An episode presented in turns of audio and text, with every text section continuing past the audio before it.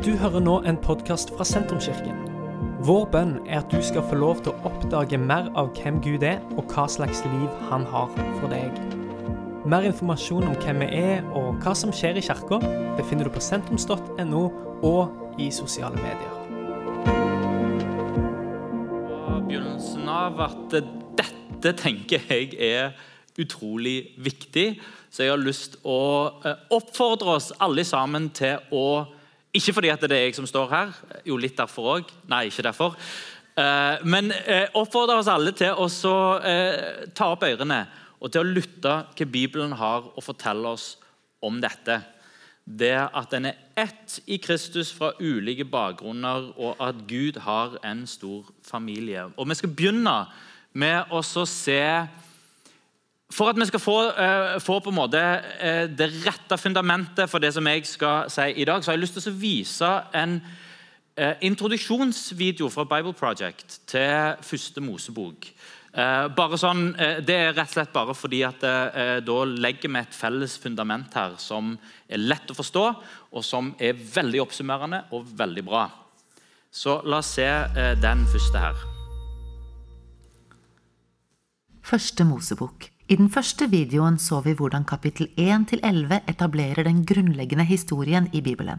Gud har skapt alt, og han lager menneskene i sitt bilde for å styre verden på hans vegne. Menneskene velger synd og opprør, og dermed spinner verden ut av kontroll og fylles av vold og død, og alt dette fører til opprøret og at folket i Babylon blir spredt ut. Så det store spørsmålet er hva skal Gud gjøre for å redde og befri verdenen sin? Jo, ut fra folka som ble spredt fra Babylon, sporer forfatteren slektstavlen til kun én familie, som til slutt fører til en mann som heter Abraham, senere kjent som Abraham. Og Guds løfte til Abraham i starten av kapittel 12 fører til en ny etappe i historien. Gud kaller Abraham til å forlate hjemmet sitt og dra til landet Kanan, som Gud sier skal tilhøre han en dag. Og i det landet lover Gud å gjøre Abraham til et stort folk, og gjøre navnet hans stort, og å velsigne ham. Disse løftene henger sammen med de tidligere delene av boka. Babylon hadde vært arrogant og prøvd å skape et navn for seg selv, og det gikk ikke så bra. Men fordi Gud er gavmild, vil han gi den ukjente typen her, altså Abraham, et stort navn. Guds velsignelse av Abraham viser helt tilbake til den opprinnelige velsignelsen Gud ga til menneskene i begynnelsen. Så spørsmålet er hvorfor skal Gud velsigne Abraham og familien hans? Den siste linja i løftet til Gud gjør det tydelig sånn at alle slekter på jorda skal få Guds velsignelse gjennom deg. Og dette er nøkkelen til å forstå hele resten av historien i Bibelen. Guds plan er å redde og velsigne den opprørske verdenen sin gjennom familien til Abraham. Og det er derfor resten av historien i Det gamle testamentet bare kommer til å fokusere på denne familien, som etter hvert blir kalt israelsfolket. Det er også derfor Israel senere blir kalt et kongerike av prester på Sinai-fjellet. Gud vil bruke dem til å vise alle de andre nasjonene hvem han er. Og til slutt blir løftet plukket opp av de senere bibelske profetene og poetene, som sier at oppfyllelsen av løftet vil komme gjennom Israels konge Messias. Når han regjerer, vil han bringe rettferdighet og fred til alle folkeslagene. Men på dette tidspunktet i historien er ingenting av dette åpenbart. Du må bare her setter vi egentlig tonen for hele, hele Bibelen. De første elleve kapitlene det er introduksjonen til det som er fortellingen i Bibelen. Fortellingen i Bibelen, hva Gud gjør i historien, det begynner med Abraham. Og sånn som en så på denne videoen her, så kan vi, vi kan ta alle pilene eh, helt til det som vi ser i Det nye testamentet og evangeliet, det kan gå tilbake til løftet som Gud gir til Abraham. I det jeg vil velsigne deg, og jeg vil bygge et navn for deg. Og i deg skal alle folkeslag, alle etnos, alle språk, alle nasjoner, til og med alle slekter, skal velsignes i deg. Et av de store spørsmålene eh, som vi ikke alltid får med oss eh, i, i eh, Paulus sine brever og i Nytestamentet, det er dette spørsmålet her. Hvem er Abraham sine barn? Hvem er Abraham sin familie? Er det de som er født inn i den jødiske nasjonen? Eller er det de som, sånn som Paulus foreslår? Eller er det de som har, som har Abraham sin tro, eller som har troen, som har troen på Kristus? Og I Galaterbrevet blant annet, så svarer Paulus på dette. I Romerbrevet så handler det om dette. Hvem er Abrahams barn? Og det er de som er i Kristus, som er i Jesus, som tror på Jesus som frelser og Herre, som tilhører den familien som Gud, eh, som Gud skaper, eh, og eh, som er Abraham sine barn. De som tror sånn som Abraham trodde. De som har tillit til Gud, de som stoler på Gud, som trofast holder seg til Gud, som er Guds venn, sånn som Abraham var Guds venn. Og Vi skal ta og lese fra eh, Galaterbrevet 3 og vers 26 eh, til 28. Og dette er bakteppet for, eh, for det som vi leser i Galaterbrevet i Galaterbrevet 3, vers 26-28. For dere er alle Guds barn ved troen i Kristus Jesus. Alle dere som er døpt til Kristus, har kledd dere i Kristus. Her er ikke jøde eller greker. Her er ikke slave eller fri. Her er ikke mann og kvinne. Dere er alle én i Kristus.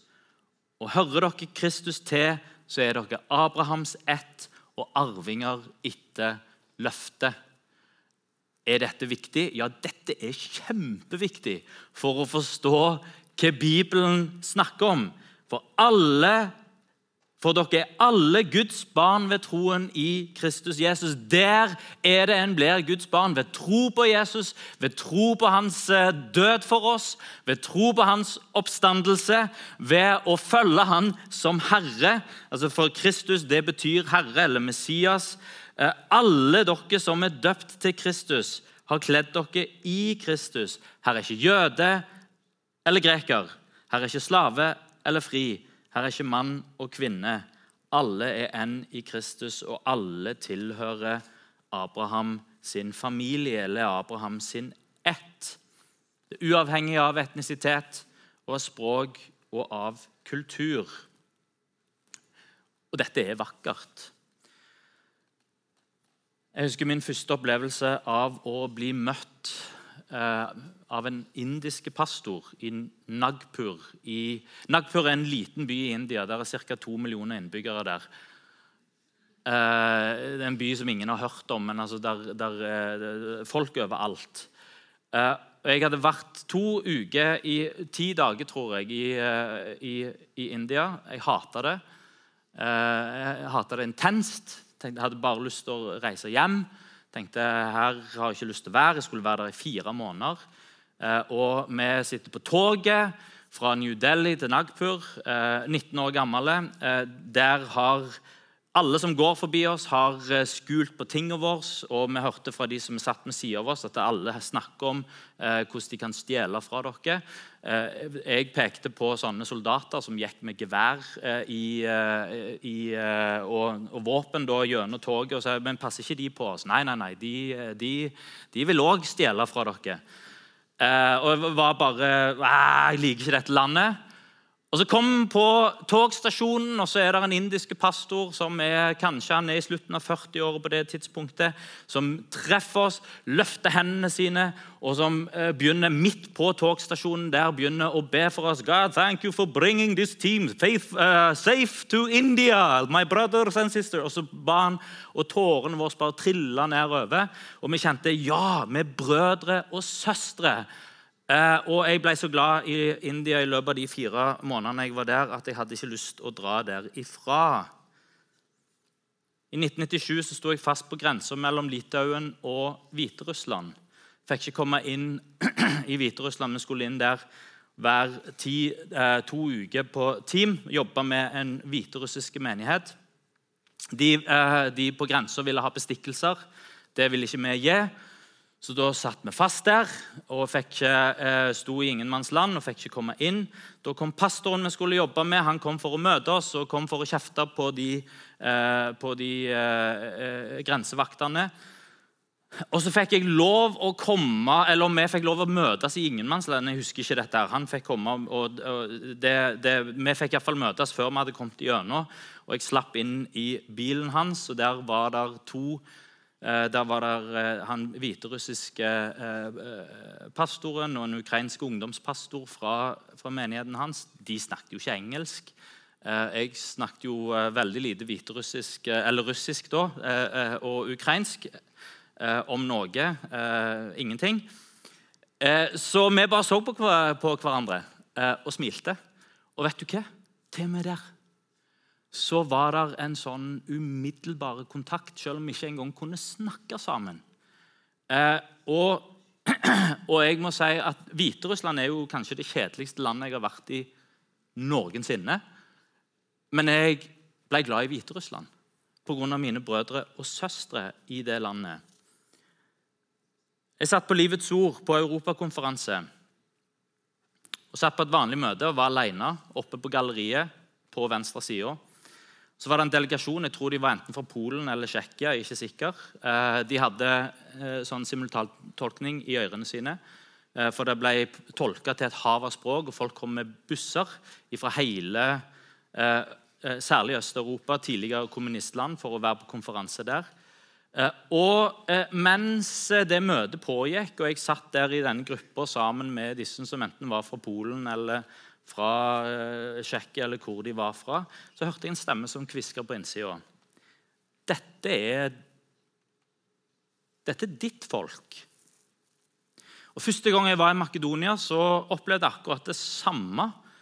En fantastisk opplevelse av å høre sammen med folk jeg ikke kjente. Med en kultur jeg ikke, som jeg var fremmed til. Og en opplevelse av at ja, vi, vi er brødre og søstre. Et dypt ønske om å være del av Guds mangfoldige rike og kunne relatere til brødre og søstre over hele verden. Og Jeg har alltid kobla dette til misjon. Eh, og tenkt om meg sjøl jeg har lyst til å være ei bro. Jeg har lyst til å være ei bro som kan plassere meg sjøl kulturelt her. Og så eh, kan jeg òg plassere meg sjøl kulturelt her, og så kan jeg stå i den spagaten. Og så eh, om mulig klare å presentere evangeliet i en kulturell spagat. Og få evangeliet fra den kulturen og inn i den kulturen. Tenk, Det er viktig å bygge relasjon til menigheter i andre land. Det er viktig å gi penger til kirkeplanting og til evangelisering og til diakoni i andre land. Derfor har vi et misjonsarbeid på Balkan. Derfor støtter vi gode arbeider som går ut over vårt eget land, og som når andre kulturer og etnisiteter og språk. Men så ser jeg mer og mer at dette skal jo ha betydning for den lokale menighet. Dette er ikke bare misjon. Dette handler om oss. Dette handler om kirka her. For den vestlige verden og Europa er ikke lenger bare europeisk språk og kultur. Landet vårt er heller ikke lenger Norge er ikke lenger bare norsk, norsk, norsk. Vi fikk høre fra ordføreren med et eh, møte som pastorene hadde med han nå nettopp, at 22% av Sandnes sin befolkning er første eller andre generasjons innvandrere. Tenk om den lokale kirka kan gjenspeile det mangfoldet Tenk hvis den plassen hvor en kommer for å se hvem, hvem er det som bor i denne byen, hvor, hvor kommer de fra? Nei, Vi må besøke kirka. Der samles en fra alle språk, etnisiteter, kulturer og bakgrunner. Der finner en ut av det av med hverandre. Der har en noen ting som er felles. Der har en felles fundament som en kan stå på. Der har en en felles ting som en sikter mot i tilbedelse av Jesus. Vet du hva? Det drømmer jeg om for Sentrumskirka. Ikke at vi bare driver misjon og tenker at er Guds hjerte for folkeslagene og nasjonene og for kulturene og for folka.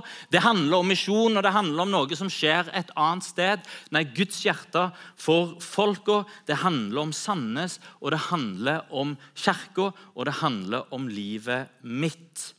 Og Hva betyr det for noen ting? Det betyr at vi er et folk som er ett i tilbedelse. La meg få opp den første sliden her et folk som er ett i tilbedelse, eller et folk som tilber sammen. I 1. Mosebok 11 så leser vi om Babels tårn. eh, der mennesker finner sammen og blir enige om å bygge et tårn som er så stort at det når opp til himmelen. Eh, og Gud ser det som skjer, og bestemmer seg for å forvirre menneskene sitt språk. Hvorfor? Han skiller de fra hverandre, og han sprer de rundt i verden. Hvorfor? Han sier når, se, nå er de ett. Nå er ingenting umulig for dem. Alt som de klarer, som de bare blir enige om, det kan de få til. Eh, og det er farlig når ugudelige mennesker finner sammen. Det er farlig når ugudelige ikke finner sammen, når ugudelige mennesker blir eh, og kan si, Falne mennesker, la oss heller kalle det det. Falne mennesker finner sammen i enhet. Uh, og Det ser en jo når teknologien utvikler seg. Etter hvert som, ja, men, Og en bare spiller på alle uh, styrkene rundt forbi, og det blir mer og mer enhet, og, en, en, uh, og teknologien utvikler seg. Det er farlig.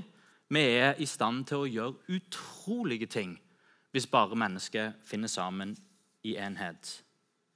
Vi lever fortsatt i blanding av denne virkeligheten. Både at verden er delt inn i kulturer og språk, men òg samtidig at verden finner sammen mer og mer. Det er en globalisering som skjer uh, uh, i, i, vår tid. Og den er ikke bare positiv. På pinsedag så snus dette opp ned. Der forvirrer språket den andre veien. Alle får høre evangeliet og nyheten om Jesus på sitt språk. Ulike språk, ulike kulturer, ulike bakgrunner som finner sammen i navnet Jesus. Tro på evangeliet, tro på Jesus sin død oppstandelse. En erfaring av Den hellige ånd, det gir enhet. Og I dette så startes den første menighet. Den første menighet var multikulturell. Hvordan vet vi det? Jo, for den første konflikten i menigheten i Jerusalem, det var en kulturell konflikt. Eh, vi leser at de hebraisktalende, de gresktalende enkene de ble tilsidesatt i, uh, i uh, utdelingen av mat.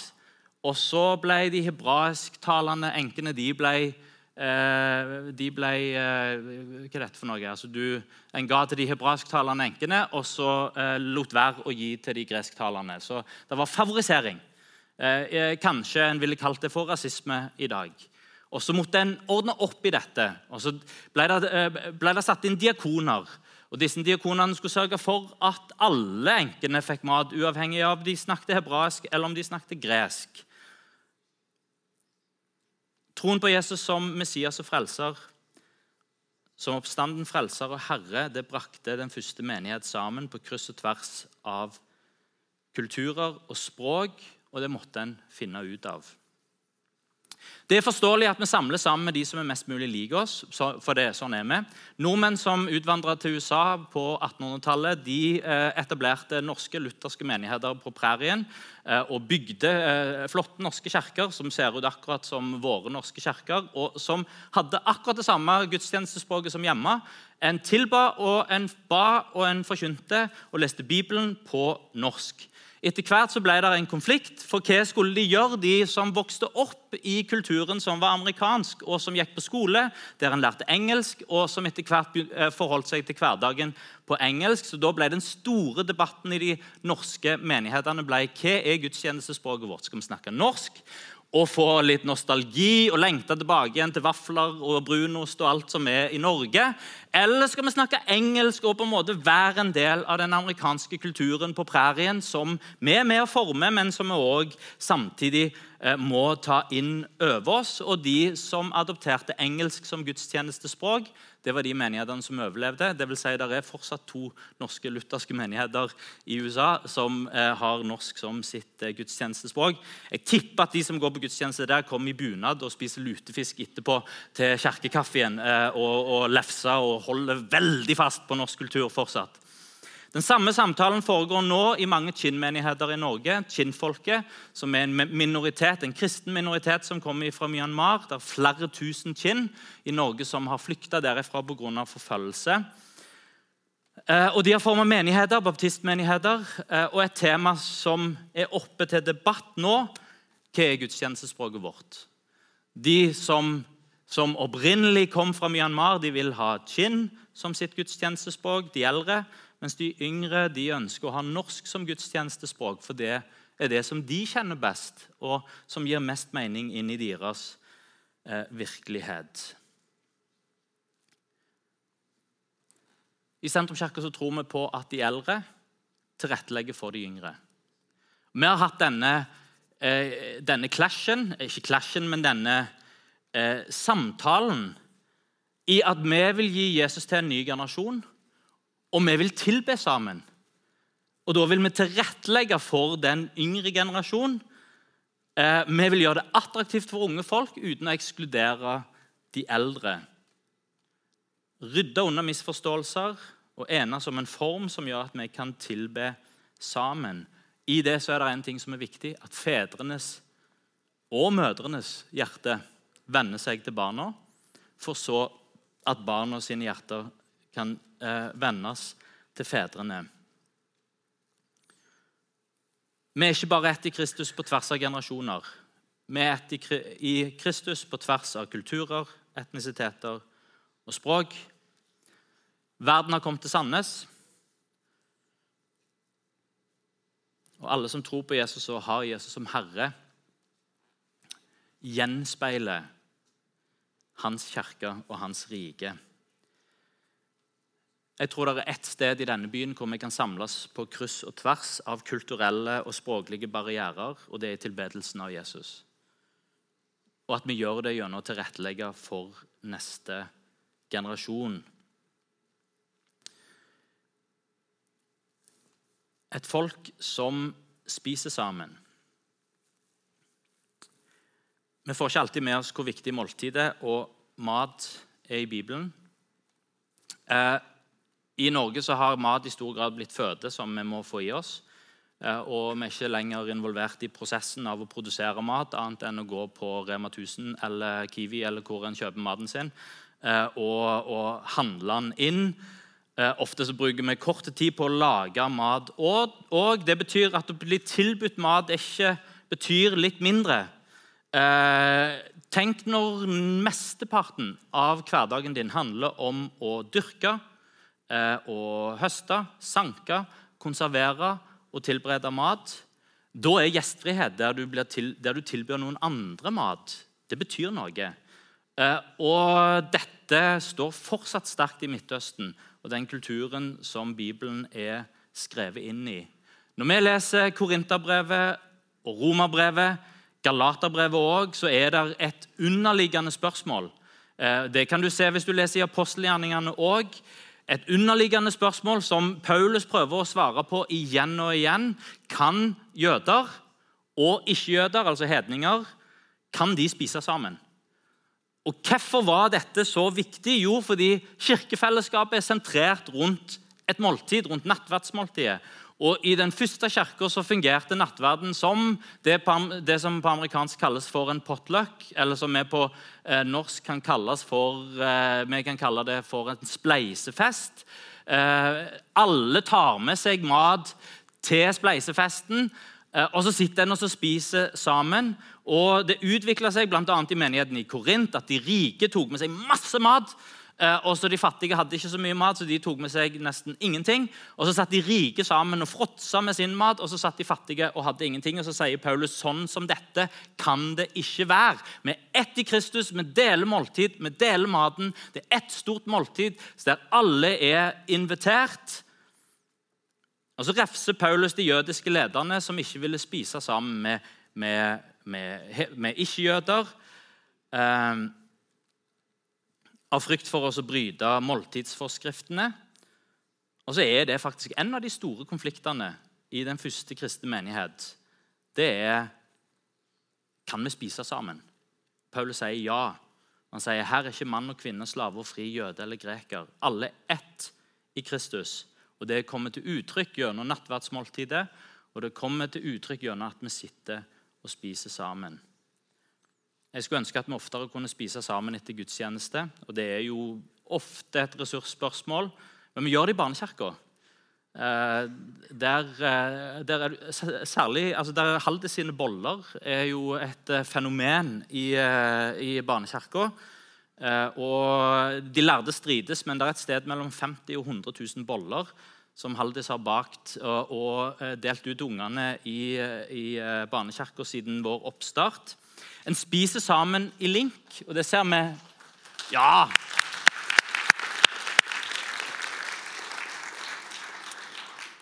En spiser sammen i link-grupper, sånn som en kan se her fra Haldes og Kjell Roas i linkgruppa. Eh, altså Noen ganger så klemmer en til, og det er eh, stort måltid. Andre ganger så spiser en bare om det er litt kjeks og en drikker litt kaffe. Men, men en, en, kommer sammen rundt bordet. En kan spise sammen på restaurant eller McDonald's etter gudstjeneste. Og vi kan ta steget og invitere en familie hjem til oss.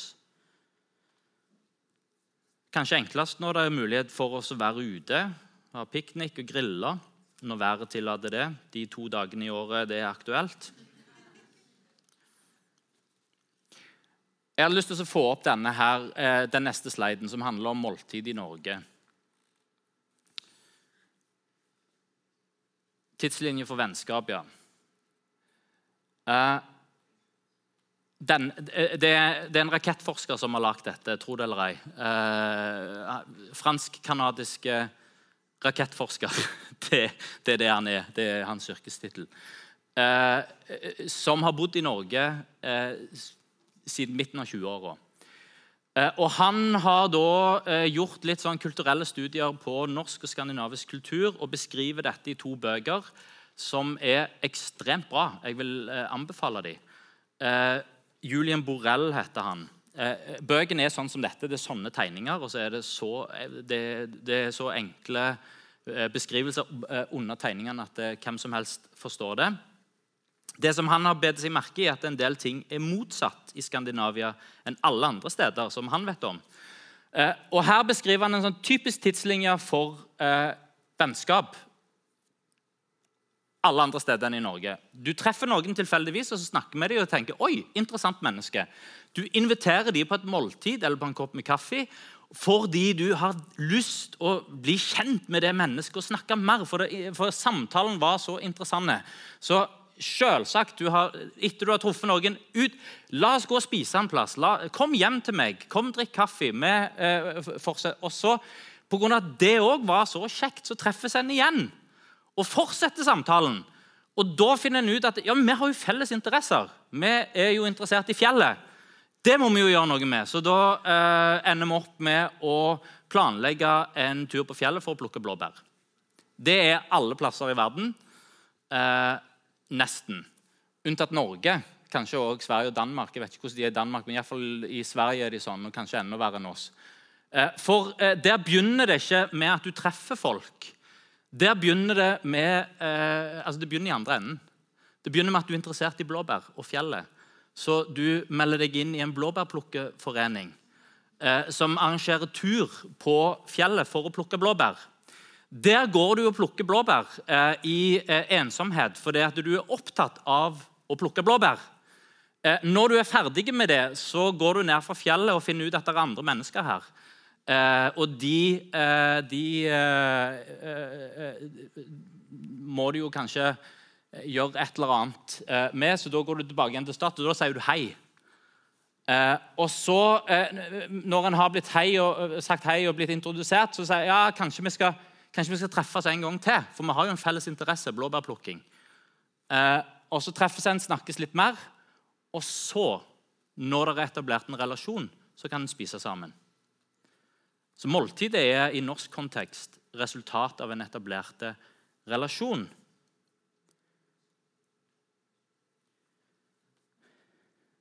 Julian Borrell mener at nordmenn trenger en rammeaktivitet, bærplukking, som gir trygghet for å skape relasjon. Og, så tar det tid. Kirka er faktisk en sånn rammeaktivitet. Det å bli med i ei kirke gir utgangspunkt for vennskap hvis en er der over tid. For selv om dette er tidslinja, så tar det tid i Norge. Tenk fotball for ungene som rammeaktivitet. Eh, eh, eh, Eldstejenta vår har vært på fotball siden før hun begynte på skolen. Første året står han med alle foreldrene og ser på trening og, eh, og på kamp. Registrerer knapt nok at det er andre foreldre til stede. Tredje året så begynner han å hilse på de andre foreldrene og si hei. Eh, og femte året da har en begynt å lære seg navnet på noen og spør hvordan går det, snakke sammen og blir kjent. Og så når de da eh, akkurat har blitt gamle nok til å slutte, da har liksom foreldrene begynt å bli eh, kjent med hverandre. Altså, Vi er utrolig treige. Jeg tror vi kan kjenne oss igjen i Julian Borrell sin, teg sin tegning. Et folk som spiser sammen. Utfordring til alle som kjenner seg igjen i det. Drit i å være norsk hele tida. Ta noen initiativ. Inviter til fellesskap og inviter til mat. Husk at ikke alle har like høy terskel på dette som den som er norsk med store N. Alle som har bakgrunn utenfor Norge, ha tålmodighet med oss. Eh, og ta gjerne initiativ sjøl. Og jeg har lyst til å oppfordre alle bli med i Link. Jeg elsker Haldis og Kjell Roars Link-gruppa fire ulike nasjonaliteter i ulik alder og ulik livssituasjon. Norsk og engelsk og ungarsk om hverandre. Eh, og etter hvert usannsynlige relasjoner og bekjentskap. Ett i Kristus, et folk som spiser sammen. Og Bandet kan egentlig komme opp og begynne å gjøre seg klar. Så er det et folk som tjener sammen. Etter at Paulus eh, møter Jesus, er det ingen som vil ha noe med han å gjøre fordi de er redd for han. Så eh, En som heter Barnabas, tar med seg Paulus opp til den nystarta menigheten oppe i Antiokia. Og Der underviste de denne menigheten sammen. Og Denne menigheten må ha forma Paulus sitt syn på hvordan et menighetsfellesskap skal være. Dette var den første kristne menigheten hvor det var både jøder og ikke-jøder, altså hedninger, som kom sammen i kirkefellesskapet. Menigheten i Antiokia var etablert av, av eh, to ledere som var fra eh, Kypros og fra dagens Libya. Eh, og Det var et sånn herlig kaos av ulike språk og etnisiteter. Og i dette så, så Paulus Oi, her er Abrahams barn. Av, eh, av alle, i, i alle former og i alle farger. Og han så det når vi tjener sammen og gjør noe meningsfullt sammen. Da kommer vi sammen. Da blir vi kjent og bygger vi bånd. Og Paulus kaller de som han tjener sammen med, for sine medarbeidere og sine medstridere. Det å stå sammen med noen andre i noe som kan være vanskelig, i noe som kan oppfattes som en kamp, der knyttes der, i noe som er meningsfullt, der knyttes der bånd. Og Paulus lærte sitt team, de som var med og jobbet med han, lærte han opp i å være hensynsfulle i møte med kulturer de sjøl ikke forsto. Han omskar sin medarbeider Timoteus, som sjøl var hedning, for at han ikke skulle være til anstøt for de jødiske kristne. Paulus var kulturelt smart. Han kjente den jødiske verden, han kjente den greske verden, gresk filosofi, han kjente òg den romerske verden, eh, og han kunne bevege seg i alt dette. Og han lærte å være fleksibel og være i stand til å kunne tilpasse seg.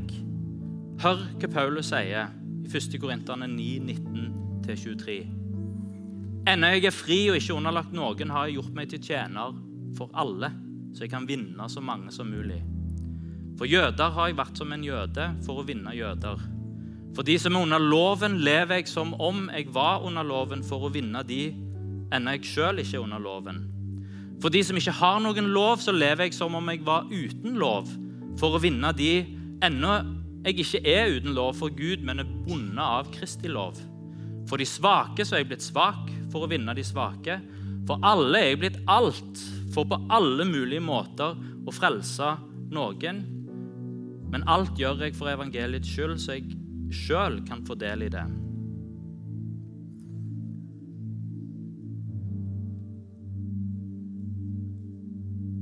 Ett i Kristus, ett i tilbedelse, Et folk som tilber sammen. Et folk som spiser sammen. Et folk som tjener sammen. Og et folk som lærer å forstå hverandre. Sette seg inn i den andre sin situasjon. Der en fungerer som broer og ikke som murer. Og der en er fleksibel og kommer den andre i møte. Og når alle gjør det i kirkefellesskapet, da kommer vi hverandre i møte. Da kan vi bygge fellesskap, og vi kan bygge vennskap. Kanskje er det òg noen usannsynlige relasjoner og vennskap som kan formes. Ta initiativ og vær tålmodig etter Kristus. Jeg tror vi skal reise oss.